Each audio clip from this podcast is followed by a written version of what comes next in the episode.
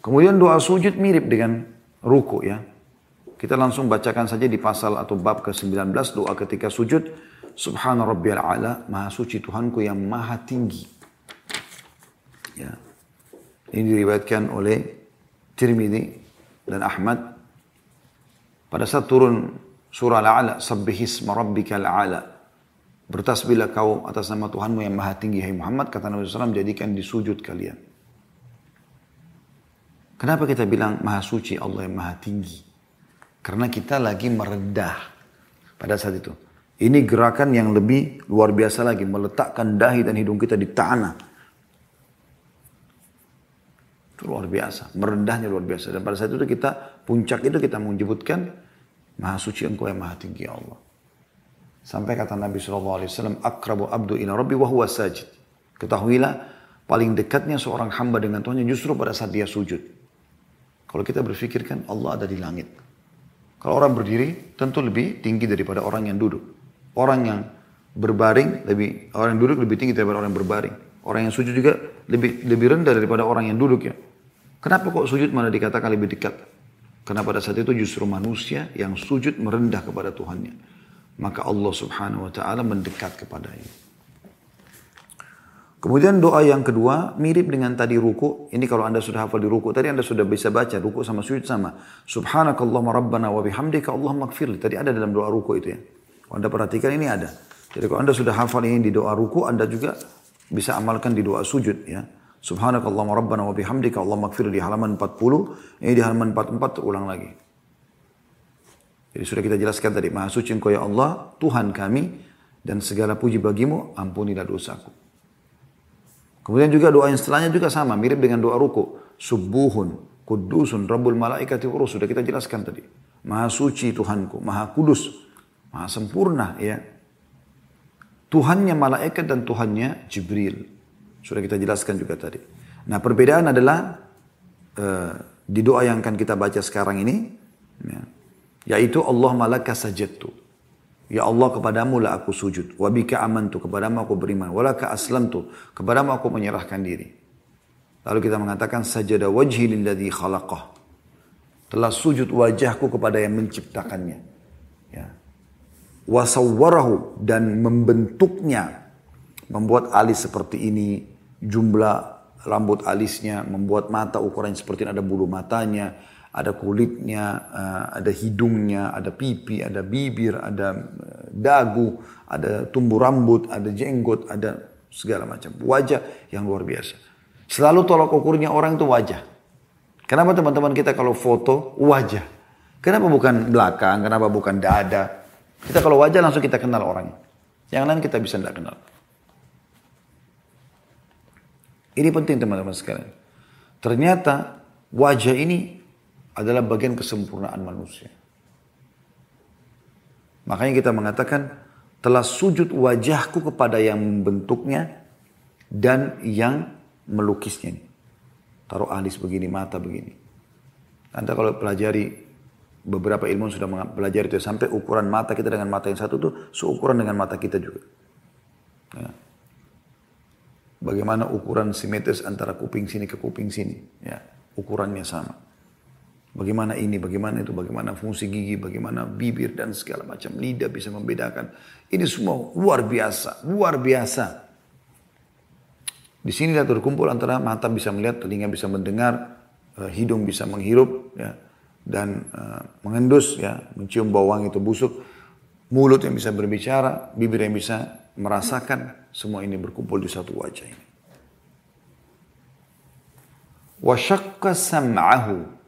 Dan yang telah membuat lubang kupingnya. Detail sekali doa ini. Dan telah membuat lubang kupingnya. Syakka sam'ahu. Wabasarahu. Dan juga membuat sobekan pada mata ini. Jadi bola mata kita ini kalau tidak disobek sama Allah SWT tidak dibuat sobekan. Maka kita tidak bisa melihat. Coba kalau kita tutup pelopak mata kita, kita akan nampak apa-apa. Walaupun mata kita sebenarnya kalau kita buka bisa lihat. Maka membuka ini, sobekan ini itu kuasa Allah Subhanahu wa taala. Keajaiban penciptaan. Tabarakallahu ahsanul khalikin. Maka maha berkah Allah sebaik-baik pencipta. Maknanya agung ini teman-teman sekalian. Luar biasa. Hadis ini diriwayatkan Imam Muslim dari satu halaman 534. Nah ini beda sedikit doa dengan pada saat ruku. Ini pada saat sujud ya. Karena wajah yang sujud, maka wajah yang kita puji-pujikan kepada Allah SWT. Setelahnya doa mirip dengan doa ruku juga ini sama kalau anda sudah hafal di ruku, anda sudah tinggal amalkan di sujud yaitu subhanadzil jabarut, maha suci Allah yang memiliki keperkasaan, wal malakut, dan juga kerajaan, wal kibriya, kebesaran atau kesombongan, wal azama dan keagungan. Sudah kita jelaskan dari rinciannya. Nah ada tambahan dua doa lagi di sujud, lebih banyak sedikit dari ruku ya. Jadi kalau sujud itu ada uh, hitungan doanya, subhanallah ala satu, subhanakallahumma biham, subhanakallahumma rabbana wa bihamdika, Allahumma gfirli dua, subuhun kudus wa malaikatu wa ruh tiga, Allahumma laka sajadtu wa bika amantu wa laka aslamtu sajada wajhi lilladhi khalaqahu wa sawwara wa syakka sama wa tabarakallah rahsanul khalikin. Ya, ini berarti empat. Kemudian subhanallah jabarut wal malakut wal kibriya wal azama lima. Yang keenam dan yang ketujuh ini yang baru tidak ada dalam ruku tapi ini ada dalam sujud. Yaitu kita membaca doa ini perhatikan teman-teman. Jeli sekali doa ini. Allahumma kfirli zambi kullah. Ya Allah maafkan seluruh dosa-dosaku. Maafkan seluruh dosa-dosaku. Lalu apa apa yang maksud dengan seluruhnya? Dikkahu wajillahu. Dikkahu di sini terjemahannya kecil. Wajillahu besar. Tapi kalau kita kembali kepada bahasa orang Arab, Dikkah itu artinya kalau orang jeli sekali. Boleh kakak orang ini ya, dakik, dikkah. Jadi betul-betul teliti benar-benar. Artinya dosaku yang sampai aku kerjakan secara tersembunyi ataupun mungkin kecil aku tidak bisa lihat sama sekali. Itu maafkan semua ya Allah. Jillahu besarnya wa awwalahu wa akhir. Yang dulu aku pernah lakukan dan yang terakhir akan aku lakukan. Artinya sudah aku kerjakan dimaafkan, yang belum aku kerjakan juga dimaafkan ya Allah. Ini pada saat setiap sujud kita baca. Wa alaniyatahu wa sirrah. Dan yang aku kerjakan secara terang-terangan dan aku sembunyikan. Semuanya ya Allah maafkan. Saya kadang-kadang teman-teman kalau sujud kemudian luput baca doa ini sekali saja saya berpikir, ya Allah nyesal nggak ini hari kiamat ya Bahasa saya dengan itu mungkin ada dosa saya banyak dimaafkan. Maka dalam sujud coba usahakan tidak lewat kecuali baca doa ini. Dhambi kullahu dikkahu wajillahu awal wa akhir wa alaniyata wa sirra. Ya Allah bersihkan semua dosaku. Ya. Yang kecil, yang besar gitu. Ya. Kemudian dikau jelas awal wa akhir yang dulu saya kerjakan yang akan saya kerjakan wa sirra wa alaniyata wa sirra yang terang-terangan juga yang sembunyi. Semua maafkan ya Allah. Dari mana kita tahu teman-teman? Begitu kita bangun bersih semua dosa kita. Itu kan luar biasa itu. Yang terakhir dalam doa sujud, dan ini tadi doa yang sebelumnya yang kita baca di riwayat Imam Muslim di satu halaman 350, Anda bisa lihat di footnote nomor 63 di halaman 46 ya. Doa terakhir dalam sujud adalah Allahumma inni a'udhu biridhaka min sakhatik. Ya Allah aku berlindung kepadamu dengan keridoanmu dari kemurkahanmu. Jadi artinya kita minta Ya Allah selalu ridho kepadaku. Maafkan kesalahan kalau aku salah. Dan jangan kau murka padaku. Karena memang salah satu sifatnya Allah adalah disebutkan dalam sebuah hadis ada diskusi Allah berfirman, "Ghalaba uh, uh, ghalaba rahmati ghadabi." Rahmatku telah mengalahkan murkahku. Dan kita sentuh sisi itu, kita minta kepada Allah SWT, Ya Allah, sungguh aku berlindung kepada keriduanmu dari kemurkahanmu. Artinya kalaupun sampai aku buat salah, engkau mau marah sama aku, ya Allah, dahulukan keridoanmu, pemaafanmu.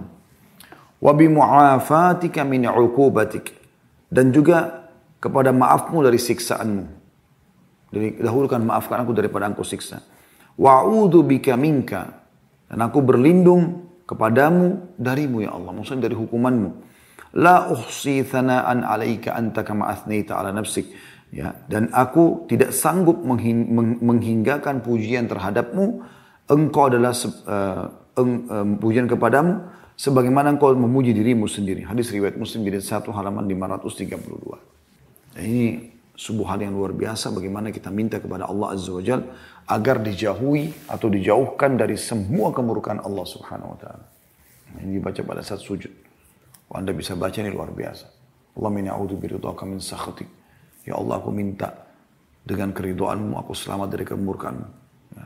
Wa bi mu'afatika min uqubatik dan dari sifat maafmu dari hukumanmu. Wa a'udzu bika minka la uhsi thana'an 'alaika anta kama athnayta. Dan aku berlindung kepadamu dari dirimu ya Allah. Jadi jangan sama, kurang lebih maknanya sama. Jangan sampai kau murka kepada aku ya Allah. Aku tidak bisa memujimu. Aku tidak membatasi pujian kepadamu. Seperti yang telah engkau pujikan untuk dirimu sendiri. Artinya aku berharap pujianku semua sejumlah dengan apa yang kau harapkan. Yang terakhir teman-teman sekalian tentunya kita tutup dengan uh, doa duduk di antara dua sujud ya. Ada dua di sini yang diangkat oleh beliau yaitu Rabbi gifirli, Rabbi gifirli ini doa duduk di antara dua sujud yang paling pendek, yang paling mudah. Kalau anda buru-buru pun ini anda baca Rabbi gifirli, Rabbi gifirli. Wahai penciptaku maafkanlah aku, wahai penciptaku maafkanlah aku. Ada mau lebih panjang yang sudah masyhur. Tentu tadi yang Rabbi gifirli, gifirli ada Butuh nomor 65 diriwayatkan Abu Daud jilid 1 halaman 231 ya. Yang kedua adalah Allah magfirli warhamni wahdini wajburni wa'afini warzukni warfa'ni. Ini yang biasa kita hafal pada saat kita kecil ya. Hadis ini diriwayatkan oleh ahli sunan. Di antaranya An-Nasai. Allah magfirli ya Allah maafkanlah semua kesalahanku.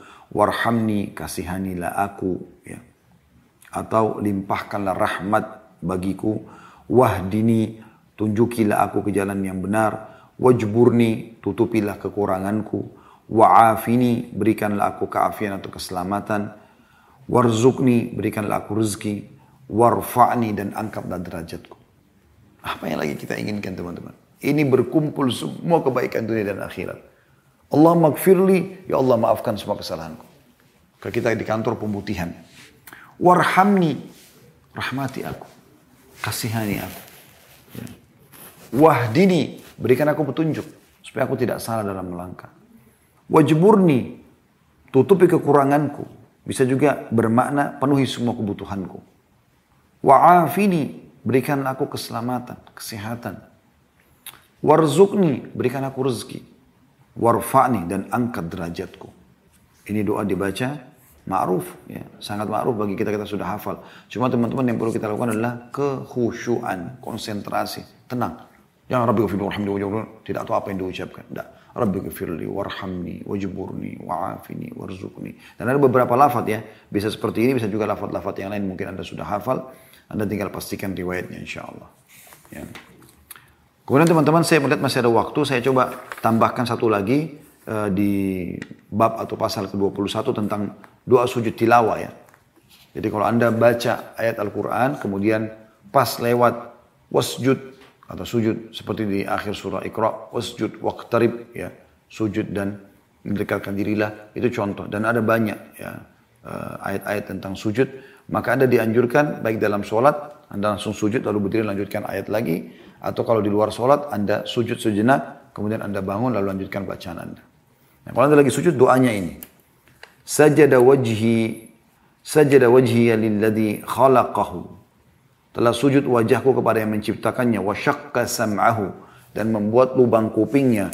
Wa basarahu dan juga membuat sobekan mata. Bihaulihi wa quwwatihi dengan daya dan kekuatan darinya. Fatabarakallahu ahsanul khaliqin. Maka maha berkat Tuhan ya sebaik-baik pencipta. Mirip dengan doa sujud tapi agak berbeda sedikit ya. Sajada wajhi lilladzi khalaqa, telah sujud wajahku kepada yang telah menciptakannya, wa syakka sam'a langsung masuk kepada yang melubangi kuping, wa basarahu dan juga menyobek mata ini sehingga bisa ada lubangnya, bihaulihi wa.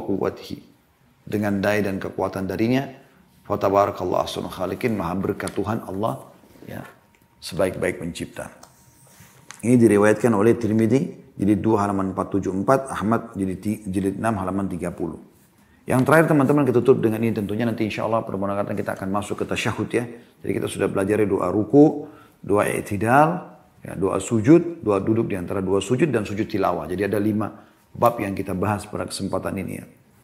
Yang terakhir adalah kalau kita lagi sujud tilawah, Allahumma ktub li biha indaka ajra. Ya Allah, catatkanlah pahala untukku di sisimu dengan sujud ini. Allahumma ktub li biha indaka ajra. Allahumma ya Allah, uktub li, tulislah untukku, biha dengan sujud ini, indaka ajra, di sisimu pahala. Ya, saya ulangi, Allahumma, Uktubli, Allahumma ktubli biha indaka ajra. Wada'anni biha wizra. Dan maafkan atau gugurkan dosa-dosa dariku dengannya. Dengan sujud ini, maafkan dosa-dosaku. Waj'alha li indaka zuhra. Dan jadikanlah ini sebagai simpanan kebaikan di sisimu. Wa taqabbalha minni kama taqabbaltaha min abdika Daud. Dan terimalah ini dariku sebagaimana engkau telah menerima dari hambamu Daud, Nabi Daud alaihissalam. Hadis riwayat Tirmidzi jadi dua halaman 473. Kalau ada yang bertanya, kenapa Nabi Daud yang disebut? Nabi Daud ini termasuk terkenal orang yang paling bagus ibadahnya. Apa pun ibadah yang dikerjakan, Masya Allah. Makanya kata Nabi SAW, sebaik-baik ya, puasa, sebaik-baik adalah sholat adalah sholatnya Daud. Dia tidur di awal malam, lalu dia bangun sholat. Kemudian sebaik-baik puasa adalah puasa Daud. Sehari puasa, sehari tidak. Karena luar biasa memang ibadah. Dan beliau pernah dalam Al-Quran diceritakan, Ya, Allah SWT menguji beliau ya dengan uh, ada bangkai dilempar di depan singgasananya, maka dia pun langsung takut kepada Allah. Jangan sampai ini adalah hukuman. Maka dia langsung ruku kepada Allah SWT. Ruku sujud ini adalah sebuah hal yang luar biasa. Maka Allah Subhanahu Wa Taala menjelaskan kalau adalah sebuah cobaan atau fitnah saja dan Allah menerima sujudnya atau rukunya. Alaihi salatu wassalam. Jadi Nabi Daud memang disebutkan sini karena memang kedudukan dia yang sangat tinggi. Allah